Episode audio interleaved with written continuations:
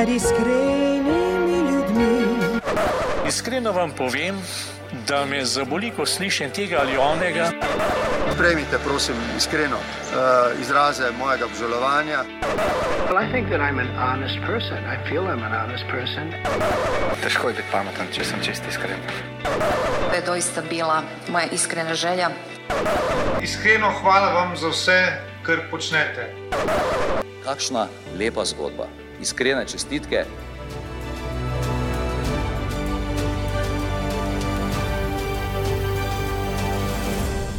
Drage poslušalke in spoštovani poslušalci, prisrčno dobrodošli v novi oddaji najbolj iskrenega podcasta, podcasta, kjer ne ustvarjamo mnen, ampak skušamo spremeniti kakšne srce. Moje ime je Dušan Poslek in v današnji oddaji z velikim veseljem pozdravljam Janeza Ciglerja Kralja, ministra za delo, družine, socialne zadeve in enake možnosti. Ampak preden se ustrašite, ne bova šla danes v globoke politične teme. Eh, danes me, mene bolj zanima njegovo osebno doživljanje tega razmerja, v katerem se je letos znašel, torej v razmerju oče, mož in politik. Tako da, uh, Janez, pozdravljen in dobrodošel v našem podkastu. Dobrodan, Dušan, tebi in vsem, ki naj jo bodo poslušali. Uh, Janez, tako le, jaz sem te sicer napovedal, trenutno kot ministra, kar si ne, ampak si tudi eden izmed bolj izpostavljenih ministrov v trenutni situaciji.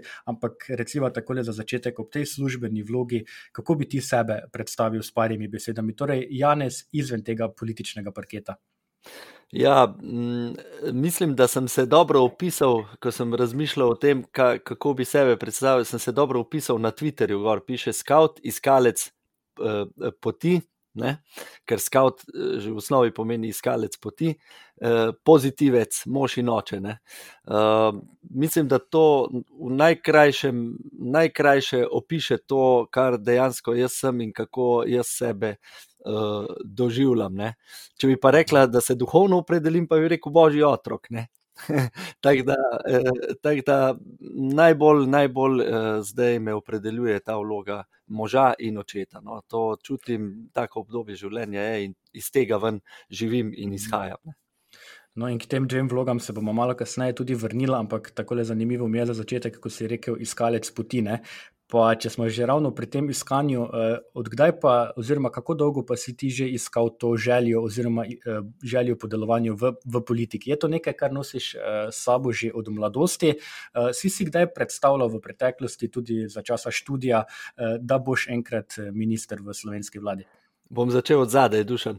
Eh, nikoli si nisem predstavljal, eh, da bom minister. Res, nikoli to ni bilo v mojem naboru. Župan, mogoče ja, župan Dravograda, to je bila neka moja taka tam eh, srednješolska, pa študentska ambicija. Ampak za ministra si pa res nikoli nisem predstavljal. Tako da lahko rečem, da se ti v življenju res lahko vse zgodi.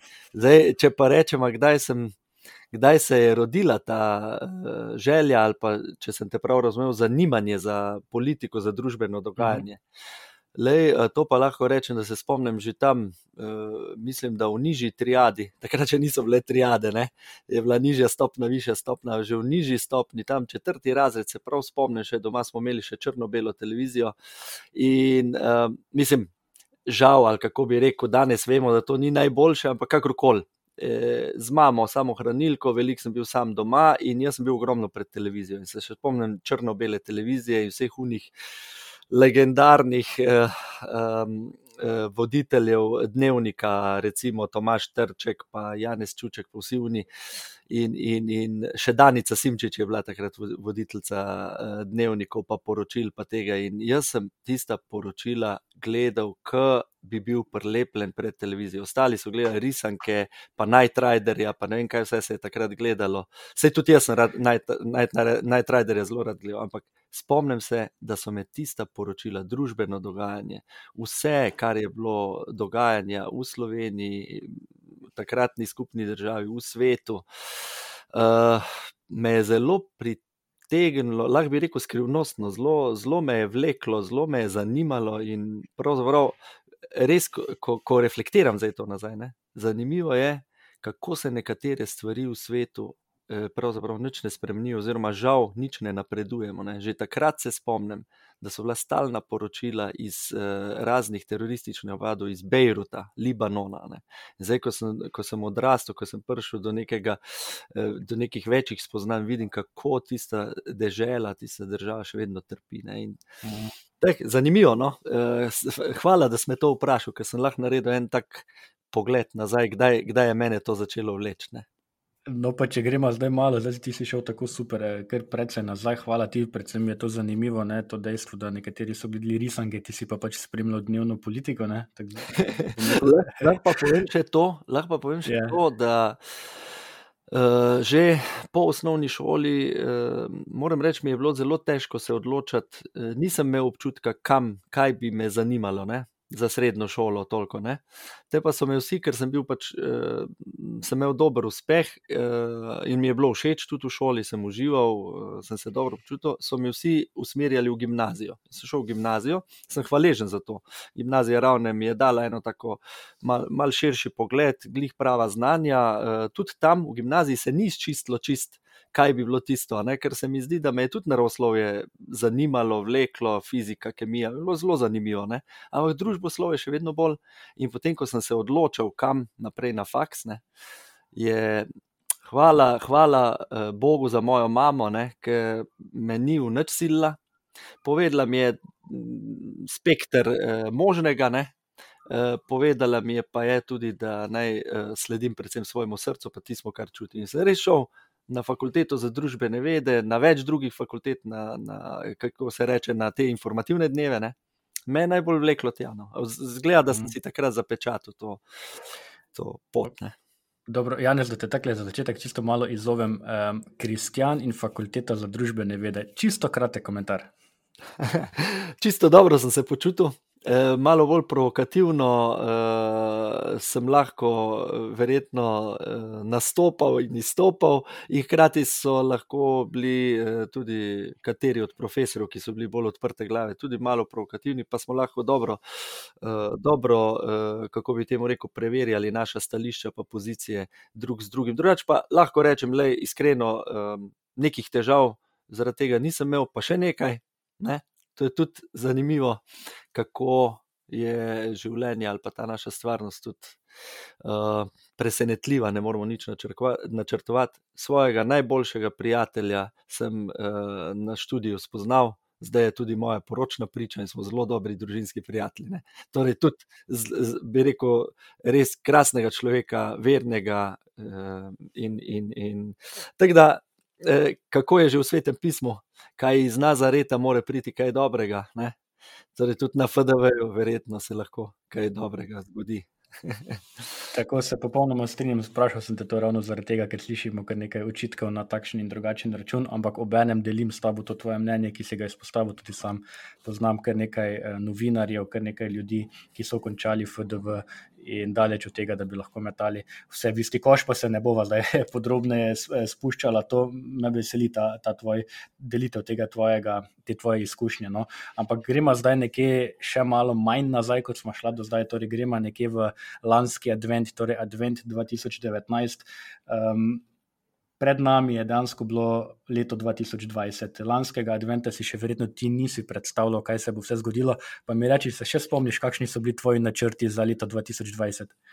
Ja, eh, dušan, zanimivo, da si me to vprašal. Um, Advent 2020 je bil, bi rekel, en čas priprave, čas premišljanja, se še dobro spomnim.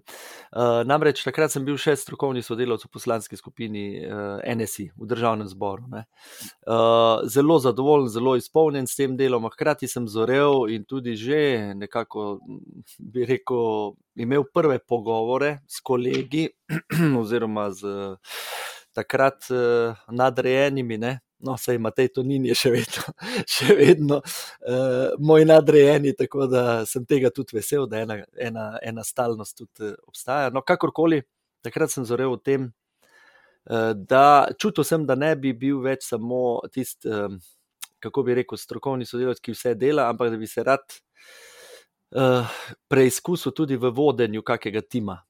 Sicer sem imel v mislih, mogoče čisto v svoji predstavi, kaj manjšega, ne? mogoče ne vem, tri ljudi, pet ljudi, kako tako ekipo. Ne? In nekako sem začel iskati priložnosti, eh, kje se odpirajo priložnosti, da bi jaz nekako en karjerni korak naredil. Ker jaz sem bil strokovni sodelavec že eh, zdaj, bi rekel, 8 let, pa z umestno prekinitvijo, pa še prej, ne, 3 leta, eh, takrat 2005 do 2008. Pa še vmes sem imel druge, druge službe, tudi v gospodarstvu, sem bil v medijih, na skladu za štipendije. Posod sem bil pač tisti, eh, lahko rečemo, uslužbenec ali pa javni uslužbenec, tisti zaposleni, ki stvari dela. Sem bil zelo izpolnjen, kot sem rekel, ne? ampak počasi sem zorel v tem, mm. da bi se preizkusil tudi malo v vodenju. No? In to je bil leitmotiv tistega adventa, če gledamo profesionalno. Mm. E, družinsko, pa advent vedno poskus umiritve, poskus tega e, pričakovanja, vmes je Miklaš, pa še nekaj moram povedati, zelo, zelo osebnega. Tisti, ki me poznajo, vejo, ne, prijatelji, da mi ravno v Adventu pa tudi praznujemo veliko, ne? Ker ima žena Mhm. rojsten dan, eh, dveh črki v, dece, v decembru, pa še jaz, pol konc decembra, tako da smo štiri od šestih smo, smo v tem času. No, potem pa evo, bom izkoristil to priložnost, pa bom takole dejal v imenu vseh, ki ustvarjamo ta podcast in ki ustvarjamo uh, zavod eh, iskreni, iskrene čestitke, tako tebi, kot seveda uh, tvoji družini, uh, za vse praznike, ki jih imast, imate v tem in seveda v vseh adventih. Iskrena, Okej. hvala, Dušan. Z velikim veseljem. Uh, prej si rekel, da si želel prestopiti kakšno stopničko više, ne? ampak potem nisi prestopil ene stopničke više, ampak tam nekje februarja, marca uh, sta se zate zgodili dve ogromni, ogromni prelomnici, da rečem tako, pojavila se je ta epidemija in obenem si tudi seveda vstopil v, uh, v aktualno uh, vlado. Um, povej mi takole, kako si se pa potem vseeno spopadel recimo za takima dvema res izjemnima uh, zalogajama, predvsem recimo glede na to, no, da si vstopil v politiko, ko ta niti približno, verjetno, uh, nima ugleda, kot bi si ga zaslužila. E, bom spet začel od zadaj. E, zelo dobro vprašanje, imaš me dobro izzoveš in e, mi tudi ene take e, tople občutke imam ob tem, ko, ko govoriš, e, ker veliko razmišljam o tem in e, reflektiram to pot, ne, ker se mi zdi zelo. Ker se mi zdi zelo pomenljiva ta pot tudi in, in dobro, dobro, dobro zašpiliš noter v ta pravo, eh, ta pravo eh, eh, srčiko. No. Um, eh, lej, um, tako bom rekel. No. Um, tri stvari. Tri stvari so bile pri tej odločitvi in pri tem, kako bi temu rekel, koraku um, v, v to, nekateri rečejo, prvo ligo ne, politike. Tri stvari so bile zelo pomembne. Ne. In sicer uh, razločevanje skupaj z ženo, ne. drugo, uh, duhovno razločevanje, uh, in tretje, uh, tudi podpora uh, moje stranke, Nove Slovenije. Um, torej, grem zdaj na konec tvojega vprašanja.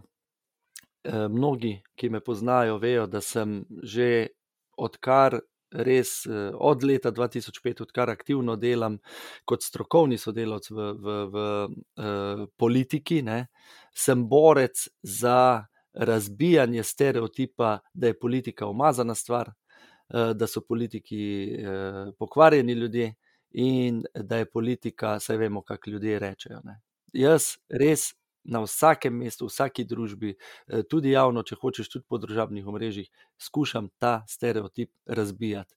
In če zmanjka drugih argumentov, ne, ker, so, ker pač tisti, ki, ki, ki ne marajo politike ali pa ker politika nima lepe, dobrega ogleda, visokega ogleda, eh, ko, ko, ko najdejo tisoč in sto argumentov, rečem, eh, po, potem grem pa tudi na konkretno osebo. In rečem, le, mene poznaš, delam v politiki, zdaj celo sem bi rekel, tudi politik, funkcionar. Mene poznaš, moje srce poznaš, moje dejanja poznaš. Če misliš, da smo vsi isti in da je politika umazana stvar, potem tudi, sem jaz tu zraven. E, Mar si se takrat ustavi in začne razmišljati. E, vrnemo se nazaj. Preskok iz tega, kako bi temu rekel, zdaj, mogoče se bo to grdo slišalo, ampak vseeno je to en tak sleng, ali kako bi rekel, v politiki. Ne.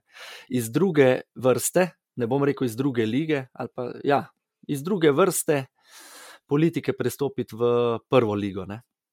To me je marsikdo že vprašal, sicer bolj tako osebno, ampak tudi v medijih so me že vprašali. Ne. Kot sem ti rekel, uh, družina, uh, duhovno razločevanje in pa uh, stranka. Znotraj stranke sem dobil od Mateja Tonina in eh, ključnih kolegov, eh, ki, ki, ko smo se o tem pogovarjali, o teh možnostih, sem dobil polno podporo.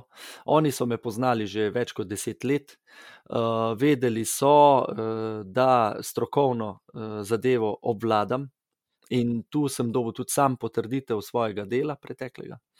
In uh, nekako uh, so mi zagotovili, in to je tudi zelo pomembno, veš, dušan, ko greš v prvo ligo. Zagotovili so mi polno podporo Nove Slovenije kot stranke. To pomeni, ko ti greš v prvo ligo, ti rabiš politično podporo svoje stranke. In ta moja stranka je, bi rekel, tako trdna, ima strukturo, ima mrežo in ima, ima uh, zelo, uh, kako bi temu rekel, dodelane odnose tudi znotraj, uh, med, med kako bi temu rekel, organi, to pomeni predsednik, IO in tako naprej. In to je pomembno.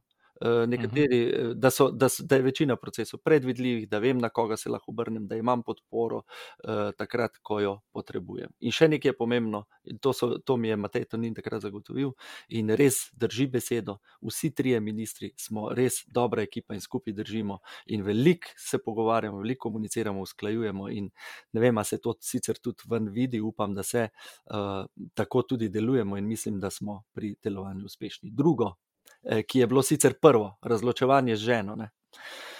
Uh, uh, zelo pomemben proces, ki je trajal tudi uh, nekaj več kot samo vem, en ali dva dneva, ne? več kot pa en teden, pa tudi nismo imeli časa, ne? ker se je bilo treba vseeno v nekem času odločiti. Uh, in uh, jaz brez te podpore pač v to ne bi šel. In vsi okoli mene, sodelavci, eh, so to razumeli, in to je bil temelj. Ja, zanimivo, spomnim se, da tudi takratni kandidat za predsednika vlade, mandatar, ko smo imeli kratek sestanek spoznavni, uh, je to izpostavil kot ključno zadevo. Ne? Eno izmed prvih vprašanj je bilo, a doma imaš podporo pri tem. Ne? Se reko, imam. Uh, kar je pa pomembno, na relaciji mene pa žene, da ostane svoboda ne, v tem odnosu. Eh, mi je žena dala vso podporo, sem ji pa hvaležen, da mi je tudi rekla, to ne pomeni bianko minice, da jaz nikoli ne bom eh, jezna, da nikoli ne bom komplicirala, da te ne bom nikoli eh, klicala, kdaj prideš in tako naprej. Ne? Ali pa ti povedala, da, da, da, da te pogrešam, ali pa da te z otroki pogrešamo, te vlekla v odnosne. In, in to se mi zdi zelo, zelo pomembno. Tretja stvar, ki sem že vem, dolg v odgovorih, to je tudi moja značilnost, uh, je pa duhovno razločevanje. Ne? Pri meni, eh, skozi, bi rekel, vso življenjsko pot je izjemno pomembno to duhovno razložitev, še posebej zdaj, uh, bi rekel, v tej odrasli dobi. Uh, in ker so bila znamenja, ki si me prej vprašal, lanski advent, so bila znamenja v lanskem letu taka, uh, sem nekako prišel do tega, da so znamenja, da se dam na razpolago, če je ta klic in uh, poskusim narediti, kar je v moji moči. No. Tako da Oprosti, malo mhm. daljšemu odgovoru, ampak je, pa, je bilo tudi vprašanje zelo kompleksno. Ne. Ja, vse me veselijo dejansko ti tvoji odgovori, zato ker lahko iz njih tudi, recimo, sam tako v premišljanju tvojih odgovorov, kar nekaj stvari potegnem, eh, oziroma v sporednici potegnem tudi z mojim trenutnim stanjem in verjamem, da marsikdo od poslušalcev bo, eh, bo tudi lahko, predvsem je zanimiv ta tvoj odnos med vama z ženo, ker kakorkoli obrnemo tvoje dejstvovanje v, v politiki, ne moreš nikakor ločiti od družinskega zakonskega življenja in podobno. In ta Bjanko Menica, to mi je eden izmed boljših argumentov, ki ti jih je žena postavila pri tem tvojem odločanju. In vidim, ne, vidim da to neka, nikakor ni bila odločitev ene osebe, tebe kot moža, ne, ampak dejansko v tako tehno, tako zahtevno vlogo se brez žene, brez ustreznega pogovora in priprave ne moreš podati. Ti predstavljaš, da bi recimo sprejel odločitev, preko jaz v to grem, pa kar potegne, potegne za sabo. Mm, mm, točno to. Ne, točno to. ne gre. Ne. Ampak od vsega tega uh, si pa vseeno čutil kakšne uvire, kakšne zavore, ki bi te bremzale pred stopom v to, kako ti praviš, uh, najvišji nivo politike. No? Ja, seveda. Uh, kar nekaj je bilo upozoril, Janes ne hodi v to, škoda se je dajati uh, v zobe. Kar naenkrat si izpostavljena oseba. Ne? Veliko tega strahu, eh, jaz mislim, da celo dobro namernega, ne? da bi me obvarovali. Uh, samo po drugi strani sem pa rekel, um, nekaj izkušenj imam, strokovno sem podkovan, uh, če delam v tej drugi ligi že deset let, ne, pa če so znamenja taka. Jaz sem, jaz sem nekako čutil po vsem tem procesu, ki sem ga prej ti, ti opisal, da vseeno je pravi čas. Uh, uh-huh. Mislim. Najlažje je reči, ne, ne, ni pravi čas, počakajmo še pet let, pa, pa še pet let, pa še pet let, pa gre življenje mimo. Uh, žetev je velika, delavcev je malo, in če se nihče ne da na razpolago, ali pa da sam čakamo na bolj primeren čas, lahko gre zadeva mimo, pa nismo upravili svoje dolžnosti. Da, jaz, zamudimo čas, ki nam ja, je na voljo. Ne? Ja, in jaz sem čutil, da je tu, tu, moj, tu ta čas. No. In, in eh, poglej, tako si rekel, že, že tako zahtevno, bi rekel, pozicijo, ne? pa pa še COVID, pa, pa vsa ta epidemija. Ne? In se mi zdi, mm to sem, to sem tudi razmišljal in povedal svojim prijateljem oziroma sodelavcem na ministrstvu uh, uh, ta teden, no, uh, kot neko poslanico po devetih mesecih. Devet mesecev je že, sem rekel, da pravi, uh, bi rekel, človek se. Uh, spozna in skali v tem, da se da v najtežjih okoliščinah na razpolago. Ne? In tu sem mislil celo ekipo, ker to ni lahko človek, nekateri so pustili tudi dobre službe, udobne, bi rekel, za nedoločen čas in prišli in se dali na razpolago eh, v teh težkih okoliščinah in delajo morda trikrat več za morda pol manjše plačilo, ne? ampak eh, čutijo podobno kot jaz, ne? da je to naša dolžnost no, v tem času.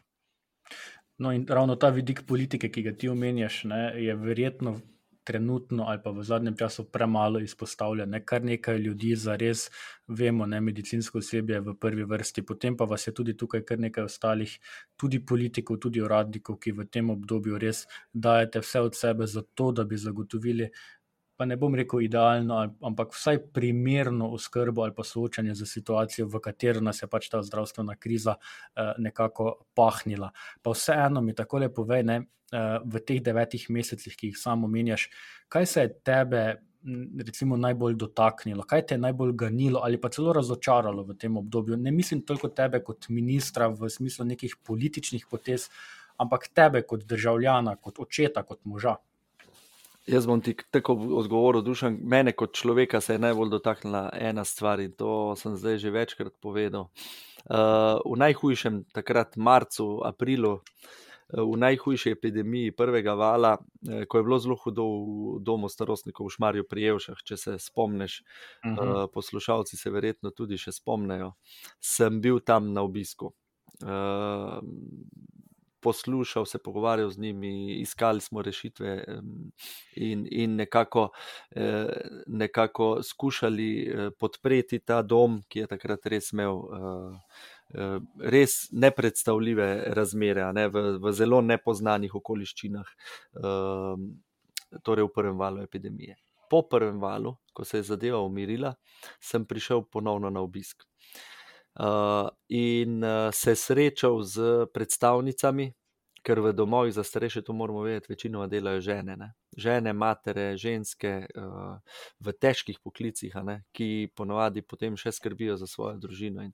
Z predstavnicami vseh zaposlenih, to pomeni, da uh, v domovih delajo vem, medicinske sestre, uh, potem uh, oskrbovalke, fizioterapeuti in tako naprej.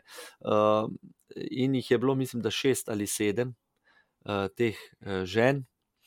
Uh, In ko sem prišel tja, sem, sem nekako prav začutil in rekel, tudi sem jim rekel, sem rekel da, da sem začutil takrat sredi epidemije, da so bile kot na fronti in kako so se ob tem počutili in kako so. Ne? In zanimivo je, da so mi rekli, res je.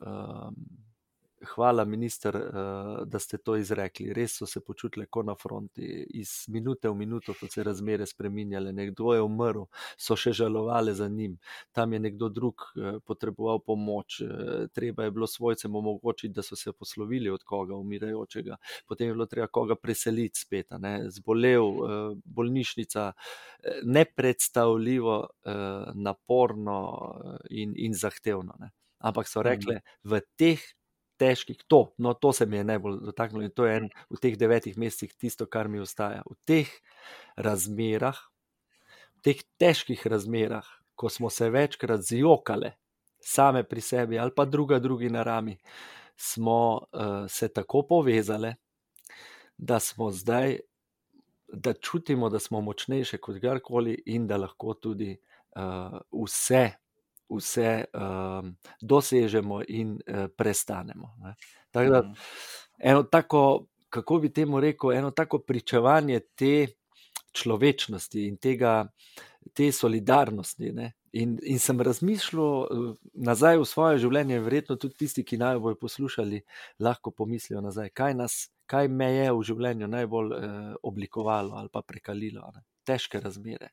Težke razmere in kakorkoli je ta epidemija, res eh, nekateri rečejo prekletstvo, pa to božja kazen in tako naprej. Jaz pa vidim in te gospe, te žene, ne samo v Šmarju, pri Ješah, ampak v vseh, recimo, domovih ali pa posod, kjer je težko, tudi v bolnišnicah.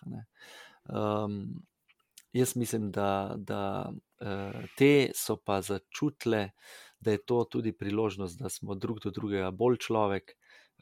In, in da smo se prekalili in prišli z novimi spoznanji, z novimi vrednotami, ali pa z izostrenimi vrednotami, tudi ven iz tega, in verjamem, tudi po drugem valu, oziroma če, ko bo ta COVID eh, epidemija končana, da bomo lahko tudi novimi, na novih temeljih eh, mhm. drug z drugim živeli. No.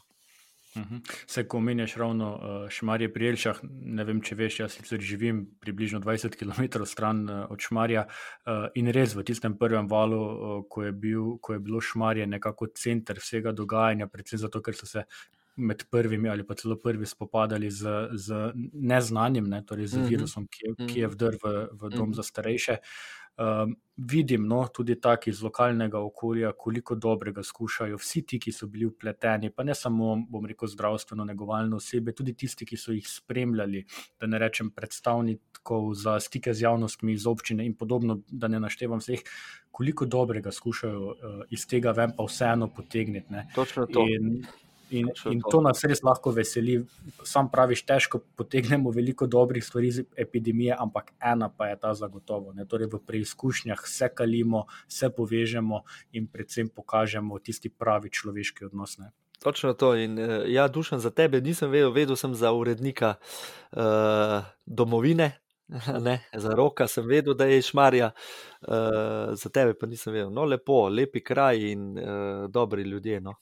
Tako je, ma, ma, majhna je Slovenija. Ne? Ampak dobro, vrnimo se eh, zdaj k najni tematiki. Tako omenil si, kaj te je nekako najbolj uh, nagovorilo in podobno.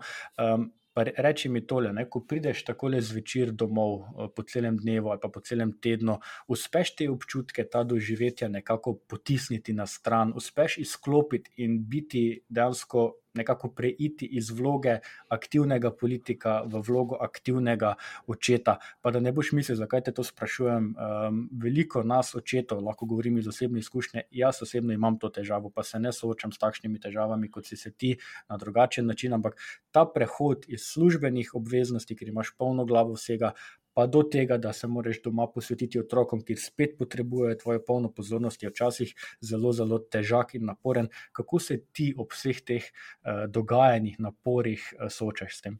Iskreno, uh, tudi jaz imam to težavo. Vsekakor sem tudi po prihodu domov preveč na telefonu.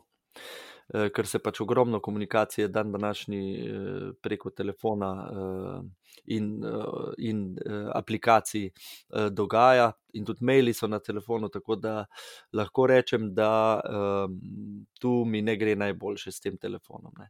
Drugače so pa otroci sami, še bolj kot žena, otroci so tako ogledalo. Ker, eh, če ne drugega, mi pa na koncu reče: A ti pa zdaj, a boš sam na telefon gledal, ali boš zdaj prišel mi to prebrati, ne? ali pa se boš prišel z mano eh, s kockami eh, igrati. Ne? In otrok to ne pozabi. Ne? Tudi ta najmlajši triletni je še najbolj ustrajen pri tem. Ne? Tudi če mu rečem, ja, ja pridem, pridem, a ne, in ne pridem, in spet pride. Kako je ustrajen ta otrok, da me vleče v odnos. Ne. Tako da tu nisem ponosen na to, da sem preveč na telefonu. Drugače pa, le, tako je bilo dušan, marec, april, maj, se spomnim. Ne. Smo se stankovali tudi med vikendi. Spomnim se, da za veliko noč smo imeli samo veliko noč, samo nedeljo, bi rekel, čist prosto, drugače skozi sestanke, ne. krizni štab, COVID skupine, vlada in tako naprej, ne vsi protikrizni ukrepi.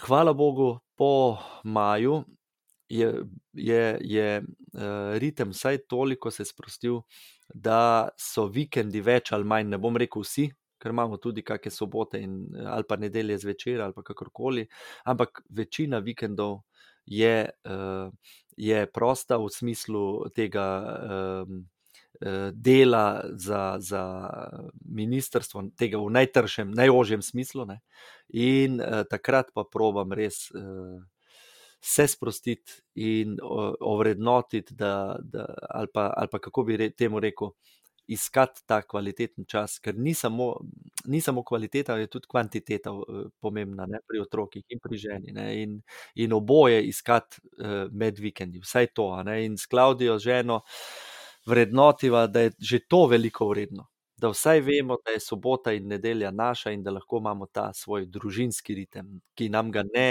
eh, služba narekuje. Ne. Ja, in zanimivo, ko si prej omenjal uh, to, kar ti otroci sporočijo, oziroma nastavljajo ogledalo. Bom tukaj dodal en svoj uh, piskarček, oziroma svojo izkušnjo pred dnevi, ko sem ravno doma še odgovarjal na na en mail, uh, ne, je prišla do, do mene moja triletnica, prinesla en stari pokvarjen telefon in se začela po njem pogovarjati. Ne, in je rekla: Halo, a ti kličem te. Ne?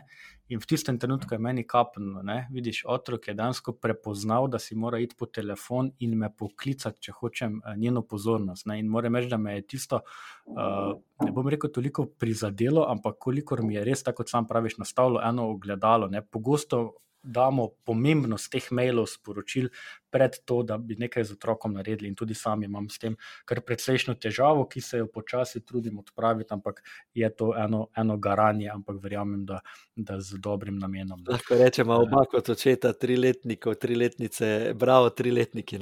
Tako, hvala, ne? lahko ja, smo jim hvale, hvaležni za to, da nam nastavljajo ta ogledala, ker verjamem, da ravno zaradi tega tudi, eh, tudi rastemo. Ampak, ko jih omenjamo, otroke, žene in podobno, imaš občutek, da se je po vstopu v politiko, bom rekel, po prestopu iz, eh, sami omenjaš, ne, druge, drugega razreda v prvi razred politike, se je kakorkoli spremenil tvoj odnos do otrok, do žene in podobno? Še rajši jih imam. Eh, lahko ti rečem, da, da še bolj eh, cenim eh, ali pa še bolj eh, čutim eh, vrednoto in vrednost eh, tega, kar imam doma. In mm. eh, eh, tudi v teh treh tednih, zdaj le sem bil tri tedne na bolniški, ne, in se vračam nazaj na delo, sem nekako lahko začutil, um, kaj to pomeni, da si nekje res doma in da te nekdo brezpogojno sprejema. Ne. In uh, nekje sem že tudi rekel, da vidim in prav doživljam, kako sem samo v družini in samo tu nenadomestljiv. Ne. Povsod druge eh, lahko pride drug, ki lahko še boljše upravlja to delo ali pa vlogo, ki jo imam v družbi, ne. v družini pa te nihče ali pa meni nihče ne more nadomestiti v tej, eh, v tej vlogi ne. Eh, očeta in, in eh, moža. Mhm. In zanimivo, ko pridemo tako lepo celih dnevih eh, dela, recimo domov, naprimer, kako veliko nam pomeni en tisti pogled, objem, eh, ena tista iskrivost v otroških očeh, tudi v ženinih očeh, da ne bo pomote, ampak tisto, tisto pristno otroško veselje, ne? kako lahko ena taka drobnarija dejansko ti popravi razpoloženje, ki se ti je mogoče cel dan uh, podiralo. In delim tvoje mnenje. To, pa tudi zjutraj ob odhodu od doma, duša, ne vem, če imaš ti isto izkušnjo. Uh, mene zdaj že malo poznajo, da zjutraj ponavadi malo zamujam ampak vsakič mora reči še en krok ljubčkov, ne? vsem, a ti še jaz tebi. Najprej, najprej jih jaz eh, poljubčkam, pa že grem po štengah, pa pa že kričijo, a ti še jaz tebi, pa morajo pa še mhm. oni meni dati. Tako. In... Res je, ja, res. tukaj lahko samo, samo podpišem točno to, uh, kar, si, kar si ti uh, povedal. Ne. Zdaj smo se tudi dotaknili malo tega, kako ti kombiniraš vse svoje službene in družinske obveznosti. Ni lahko, se pa da, ne, kot sam praviš. Pa mi da nekaj še drugega povej. Kako bi pa recimo ti svojim otrokom predstavil poklic politika? Na začetku smo se že malo dotaknili tega pogleda, tega mnenja, ki je nekako v družbi, ta negativni prizvok, ki ga, ki ga politika ima. Ampak kako bi pa ti rekel, recimo, ali pa kar konkretno, kako ti predstaviš svojim otrokom, kaj ti počneš? Ja, dobro si preklopil, zato ker tako ali tako se bi mogel že zdaj nekajkrat predstaviti uh, zadevo, ne, odkar sem minister, pa že prej. Uh, zanimivo je, da sva se s Klaudijo že pred leti odločila, da otrokom skušam vsaj dvakrat na leto dati en upogled v to, kar delam, torej jih, eh, seveda, v dogovoru s sodelavci, pripeljem na delovno mesto. Zdaj že pač eh, Judita je zdaj že 11 let stara, to pomeni, da to sigurno zdaj že pet let uh, delam, no, pet, šest let. Ne. Torej, dvakrat na leto, v zimskih počitnicah, pa v poletnih počitnicah jih pripeljem na delovno mesto, pokažem, kje delam, kaj delam. Moram reči, da za državni zbor, eh, pa prej za sklad za štipendije, se mi je zelo tako smešno, ko so rekli: A ti, kaj pa ti sploh delaš? Se neko tule tipkam, pošiljam maile, se pogovarjam, telefoniram. Ja, so rekli, kaj pa delaš. da, no, zdaj, eh, ki je pa moja služba ali pa moje služenje, jim zdaj skušam tudi to predstaviti. Da, da minister, biti minister ali pa tekle eh, funkcionar ni navadna služba, ampak da si pravzaprav v službi domovine, v službi ljudi, torej da služiš njim. Ne? To, to, to, ta preskok se mi zdi, da delamo jezikovni. Um, jim pa razlagam, um, kaj je moja naloga, kaj je moja dožnost, kaj delam, kako se usklajujemo. Bom rekel, stranko mojo že kar fajn poznajo, ker moram reči, da smo tudi družine dobro povezane, vsaj enkrat na leto se dobimo, družine imamo izlet, piknik, ne vem, dan skupaj. Eh, potem imamo Miklauža vsako leto in uh, ta družina uh, ali pa krog družin tudi vedno bolj raste. Tako da stranko, v kateri delujem in njene vrednote in to že zelo dobro poznajo. Uh, na ministrstvo pa zdaj, ko so prišli. In je bilo pa zanimivo, ko so rekli, najprej so opazili, da je zelo velika pisarna. In so rekli, zakaj imaš dve mizi, In se rekel, ena miza je za moje delo, kadar sam delam, druga miza je pa, ker imam veliko sestankov in z ljudmi tu sedimo. Ne?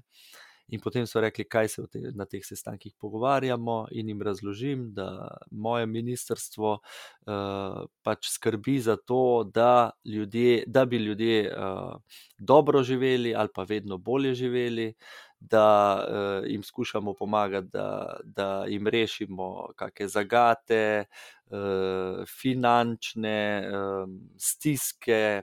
Uh, Da tudi skrbimo za to, da ljudje dobijo pravično plačilo za, za, za dobro delo, pošteno delo. In se mi zdi, da so kar nekako um, hitro sprejeli in začutili, da je to hkrati pomembna vloga, In na drugi strani, uh, da je zelo pomembno, da veliko, veliko se pogovarjam z drugimi ljudmi, komuniciram, usklajujem. Um, je pa zanimivo, no? to, to je pa malo otroško, uh, ker, uh, ker pač nekaj slišijo, Ne, sošolka reče, moj hčerki, tvoj ati je pa zdaj minister, zdaj pa on mogel to zrihtati, ali pa vidijo v časopisu, ne, intervju, ali pa na televiziji, ali pa na radiju, kar skočijo in pol se med sabo pogovarjajo, so včasih s Klaudijo uh, takle mal prisluškovala. Ja, ati bo zdaj to zrihtal, ker on je minister, to so tudi pričakovanja otrok, so se, kako bi temu rekel, zvišala, ne, in imam tudi večjo odgovornost, da, da um, da tudi naredim to, kar je moja naloga. Hkrati pa sem se pa resno že ene dvakrat, oziroma oba s Klaudijo, smo se resno že z njimi dol usedla, še posebej v tem jesenskem času, ko so se začeli tudi bolj napadi name. In napadi ponavadi niso z argumenti, pa v strokovni ali pa politični debati, ampak žal na družabnih omrežjih zelo uh, nizki, osebni, uh, bi rekel, tudi uh, žaljivi. In sva se tudi resno že z njimi pogovorila o tem, da seveda vsi niso istega mnenja in da tudi ni nujno, da so istega mnenja kot jaz ali pa kot mi, da vsem ni všeč to, kar delamo, ne? Da lahko da bo kdo kdaj proti temu, da ni nič narobe s tem. Da bo kdo tudi žalil, da bo kdo tudi rekel, kaj grdega v meni, grde želje, še kaj drugega, ne, kakšne težje obtožbe, in da naj jih pač to ne vznemirja, da naj vedno, vedno, vedno najprej pri nama z Klaudijo preverijo, preverjajo zadeve in, uh, in uh, ne verjamejo čisto vsemu, ali pa ne, naj ne bojo prizadeti čisto uh, z vsako zadevo, ki bo prišla pač v javnosti. Mimo. To je zelo pomembno, da smo že vnaprej to skomunicirali, zato ker vseeno vem, no, otroci so občutljiva bitja, čista bitja in težko jim je recimo prebrati ali pa slišati, da, da je njihov oče vem, kriminalc, pa kriv za, za, za vse smrti, ali pa eni, eni pa pol že skoraj rečejo za zapor in tako naprej. Ne. Tak, ja, dejansko je lahko uh, splet zelo krut ne, in zelo nekorekten, ampak kolikor vidim pri tebi, pri tvojem pojavljanju na družbenih omrežjih, ti tudi tem anonimnežem zelo pogosto skušaš uh, odgovoriti uh, z nekakšnimi ne toliko proti argumenti, ampak dejansko z argumenti, ki, ki potrjujejo tvoje poteze, oziroma tvoje poteze tvojega uh, ministrstva, ampak verjetno tudi samo pažeš, da prepričevati prepričane je včasih kot uh, boj z mlini na veter. Ne? Zanimivo mi je, da si to opazil. Predvsem izhajam iz uh, spoznanja in izdrže. Da za to obtožbo ali pa za neko, nekim očitkom to, je vedno zadaj nekaj je nek strah, neka negotovost, neka, neka uh, bi rekel, tudi skrb. Ne, Mar si komu, ki me je obtožil, minister, vi ste vem, krivi za, za to, da je zdaj toliko virusa v domovih. Jaz takoj prepoznam, tem, da, je, da je tu noter pač skrb za te starejše in skušam narediti stik, vsaj v tem, da rečem: Poglejte, tu smo skupaj, vse nas skrbi za starejše, želimo jih zaščititi. Potem pa, kaj je pa moja razlika, ne grem nazaj v obtoževanje, da bi iskal, kdo je kriv, ampak povabim, rečem, dajmo zdaj skupaj. Ker več glav več ve, in bomo skupaj, sigurno bolj uspešni, in do več ljudi prišli. Zdaj moramo zdaj skupaj najti še, kaj lahko še naredimo. Ne? Ne, ne pa to ping-ponganje, kdo je kriv, kaj je kriv, koga bomo obtožili. Tak. Vsak bo odgovarjal, ne? če ne prej na koncu svoje življenjske poti. Uh, uh, in jaz se zelo zavedam te odgovornosti in pri delu, in za moje življenjske, življenjske odločitve, in, in, in vse ima posledice, seveda. Ne? Ampak to, kar si ti rekel, da skušam, bi rekel, biti tisti amortizer, ki ne spina naprej ali pa ne ojača teh eh, tenzij, ne? teh obtoževanj, pa ping-ponga, ampak eh, skušam videti, kaj je zadaj in na to odgovarjati. No. Ne vem, če sem uspešen, pa tako si rekel. Eh, tudi zavedam se, da ne morem prepričevati prepričanih in tega tudi ne delam. Vedno manj, tudi družabna omrežja, osebno, vedno manj, eh, bi rekel, uporabljam, zato ker moram vseeno eh, zdaj. To pa izhaja iz tega, kar smo že prej vrednotili. Iskati minute, ure, uh, da sem skupaj z, z najdražjimi, ki so res prekratke.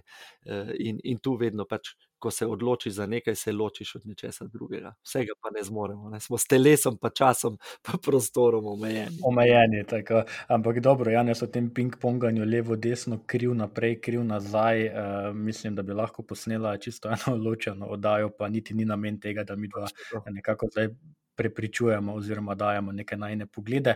Bom jaz zdaj se za trenutek samo še dotaknil družbenih omrežij, ki si jih tudi uh, sam omenil, tudi omenil si, da si pravkar končal in da se vračaš nazaj, torej da si končal z bolniškim uh, staležem in da se vračaš nazaj na delo.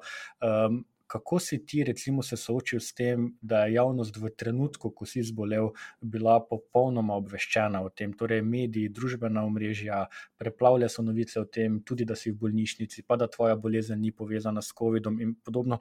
Tu gre vseeno za zelo, zelo uh, osebno stvar, uh, gre za osebne, na zadnje tudi za, uh, bom rekel, tvoje čustveno stanje. Pa me zanima, kako dojemaš to, no, da, da je tudi zdravje, torej ena izmed osnovnih vrednot v družbi, lahko lahko del ali pa predmet neke razprave v medijih, v socialnih omrežjih, kjer dejansko pogosto eh, marsikdo sploh ne izbira sredstev. Ne?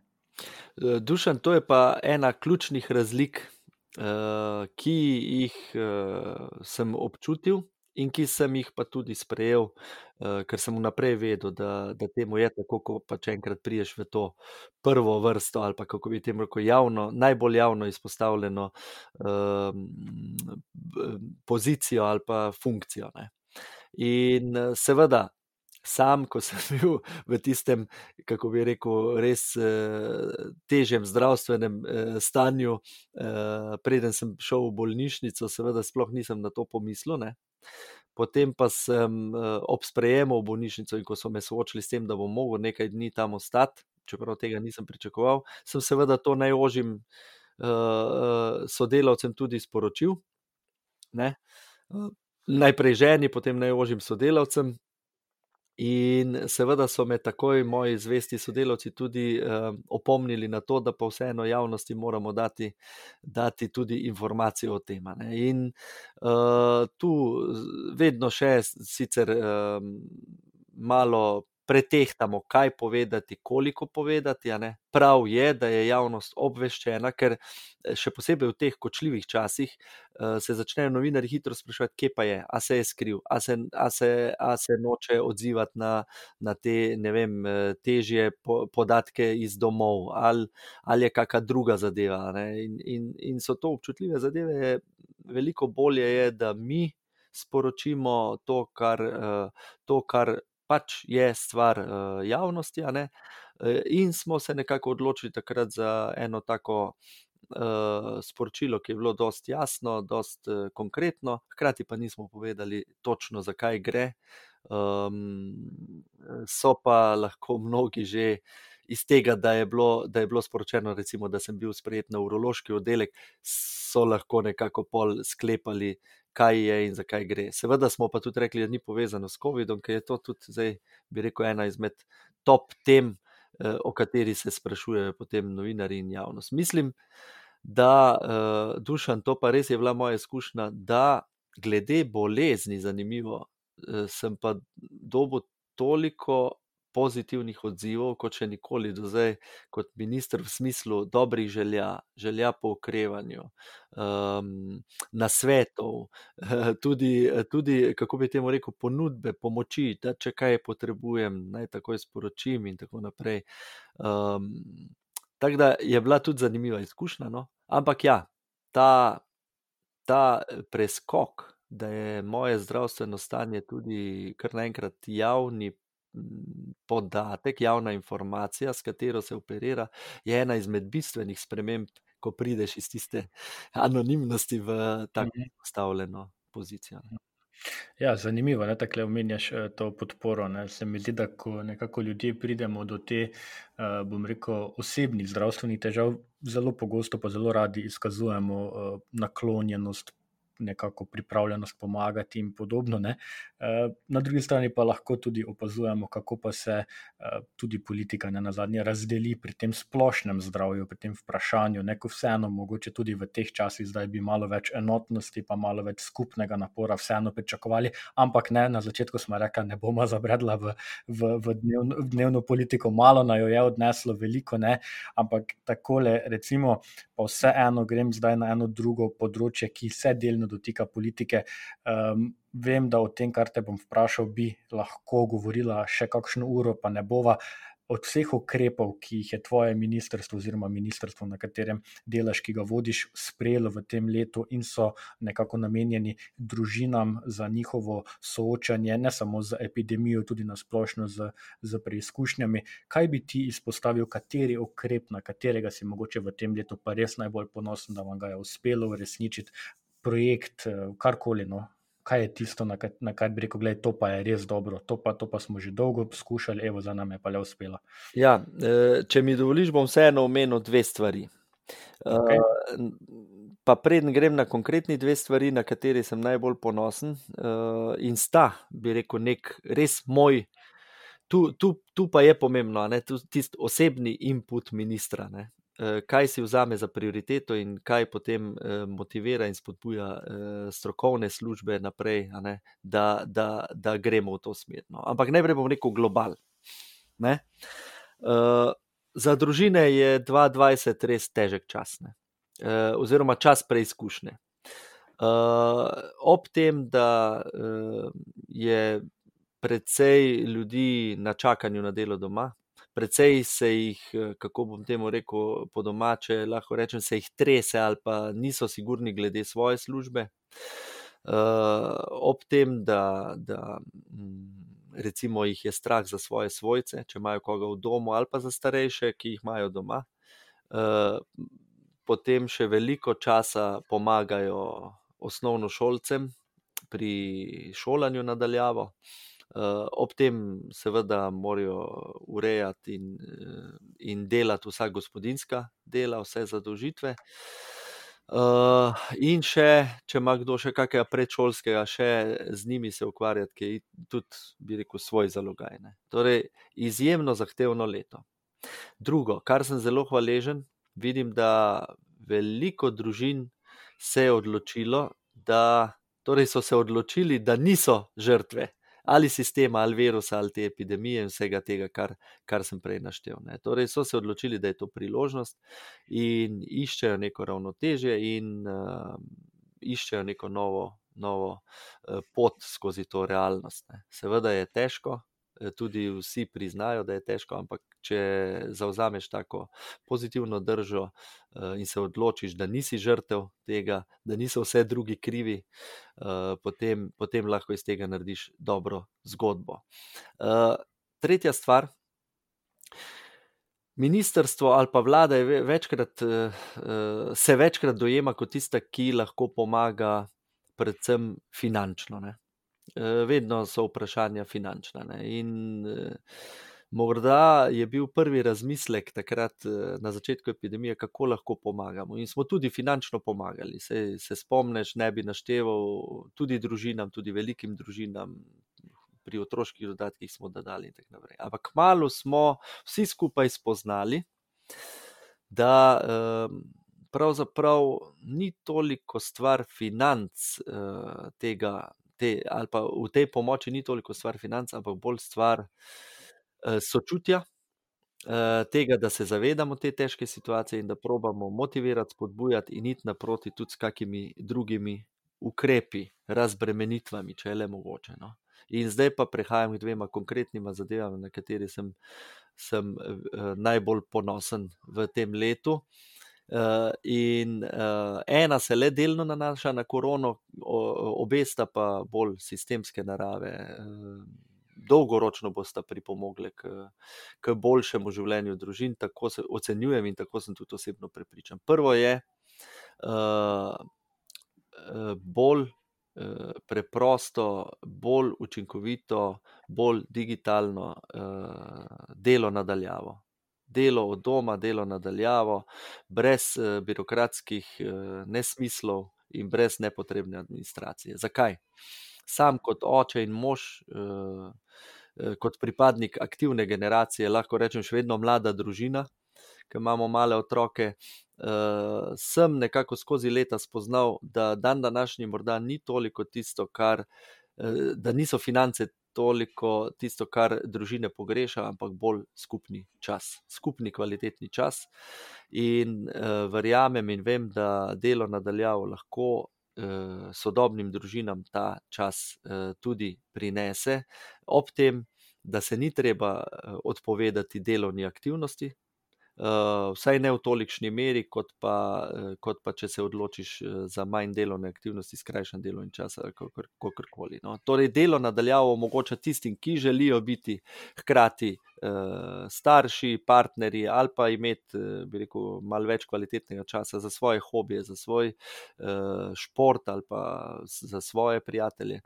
Uh, daje možnost uh, več časa, zato ker ne zgubljamo uh, tega v vožnji na delo in nazaj. Uh, hkrati ob tem skrbimo za to, da je narava manj obremenjena, manj spušnih plinov, manj vožnje, tudi infrastruktura je razbremenjena, manj zastojev, in ne na zadnje, lahko rečemo, da je tudi stroškovno za delodajalca to na nek način razbremenitev. Uh, tako da to je en vidik, lažje usklajevanje družinskega in poklicnega življenja skozi lažje in boljše in bolj sodobno delo nadaljavo. Druga stvar, na katero sem ponosen, je to, da smo zbrali uh, toliko moči in uh, sodelovanja, da smo za tiste starše, ki so zaradi skrbi in nege štirih ali več otrok, ali pa uh, pri manjšem številu otrok uh, na skrajšanem delovnem času, večinoma tudi na polovičnem, tudi mi dva z ženo sva ta ukrep koristila v določenem obdobju v naši družini. Uh, da bodo ti starši, ki so na skrajšanem delovnem času, dobili za tisti del, ko ne delajo, prispevke obračunane od njihove dejanske plače, oziroma povprečja zadnjih 12 mesecev, ne več od minimalne plače, kot je bilo to do letos. E, to pomeni, to je en.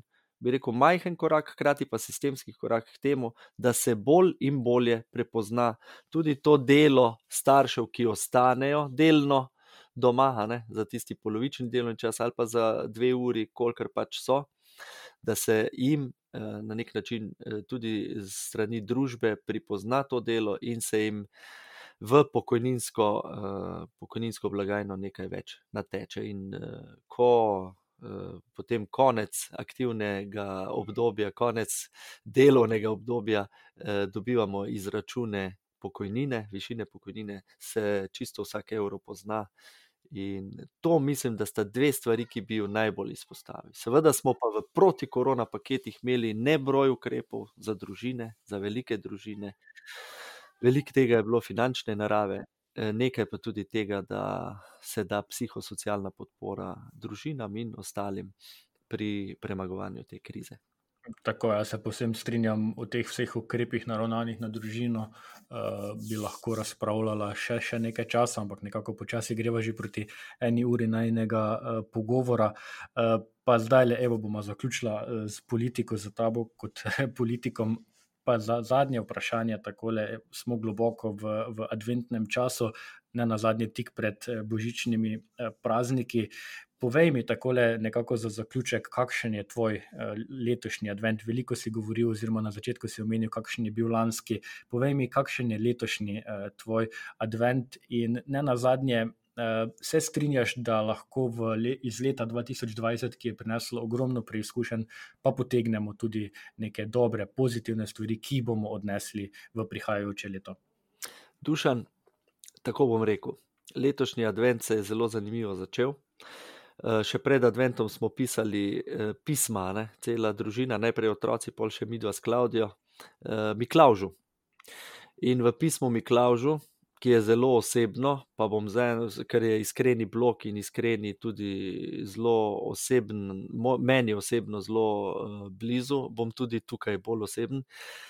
In bom povedal, kaj sem v tem osebnem pismu Miklaužu napisal. Ne? Prosil sem, uh, ker, ker resnično čutim, da vse drugo že imam in sem v pismu bi klaužil prosil za malo več časa z družino. Ne? In Miklaš je zelo hitro in zelo temeljito izpolnil to željo. Tako da, tako da letošnji Miklaš je, letošnji advent je pravzaprav zelo v premišljanju tega, kaj prosim in kako prosim. In v zahvaljevanju, to je pa zelo pomembno, zahvaljevanju za to vse, kar dobim, ko prosim. Ker sem ugotovil, da, da, da, da so res eh, eh, prošnje uslišane.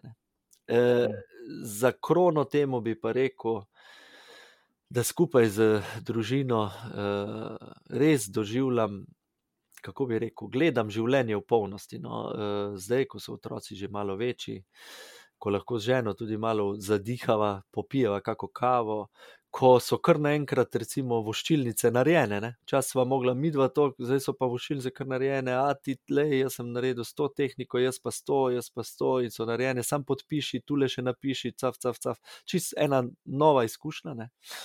Je pa, je, pa, je pa priložnost in čas uh, za čiščenje, čiščenje uh, naše notranjosti, zato čiščenje in pospravljanje naše notranjosti, če hočeš eh, še bolj duhovno, naših src, da bo v njem več prostora za bližnjega, za drugega, eh, za tistega, ki, ki to potrebuje, ne na zadnje za tistega, ki se bo rodil na svet večer.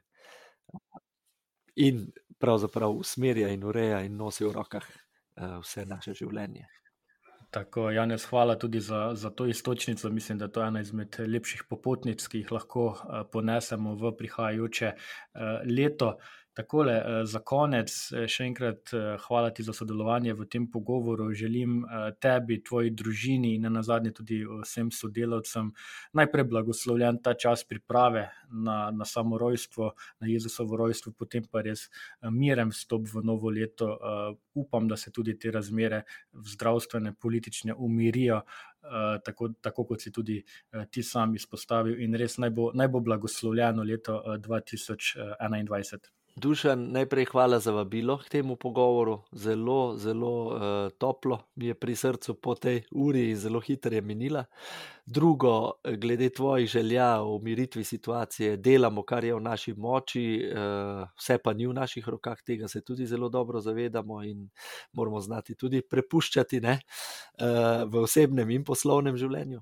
Tretje pa tudi jaz želim uh, blagoslova, miru dobre priprave in tistega pristnega veselja, praznovanja tega, kar smo in kar imamo.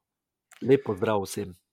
Tako, hvala, Janes, vam, drage poslušalke, eh, dragi poslušalci. Pa še enkrat eh, želim eh, se zahvaliti za vašo pozornost. Ta podcast in vse predhodne podcaste, ki smo jih že posneli, najdete v vaših knjižnicah za podcaste, najdete jih na naši spletni strani. Če imate kakšno vprašanje, če imate kakšen predlog, lahko pošljete tudi elektronsko sporočilo na dusanafna.iskreni.net in z veseljem vas bomo upoštevali pri načrtovanju novih oddaj teh novih oddaj, ki prihajajo v prihajajočem letu. Glede na to, da se leto počasi izteka, je to le zadnja oddaja letos z snemanjem, nadaljujemo naslednje leto in tudi vsem vam, drage poslušalke, dragi poslušalci, ki ste del tega našega eh, podcasta, ki smo ga v letošnjem eh, letu uvedli, želim doživeti blagoslovljeno eh, najprej ta adventni čas, Jezusovo rojstvo in potem seveda čim bolj miren vstop v novo leto in naj se vam res uresničijo eh, tiste želje, po katerih eh, najbolj krepenite. Iskrena hvala za pozornost, lepo zdrav in naslišanje v naslednjem letu.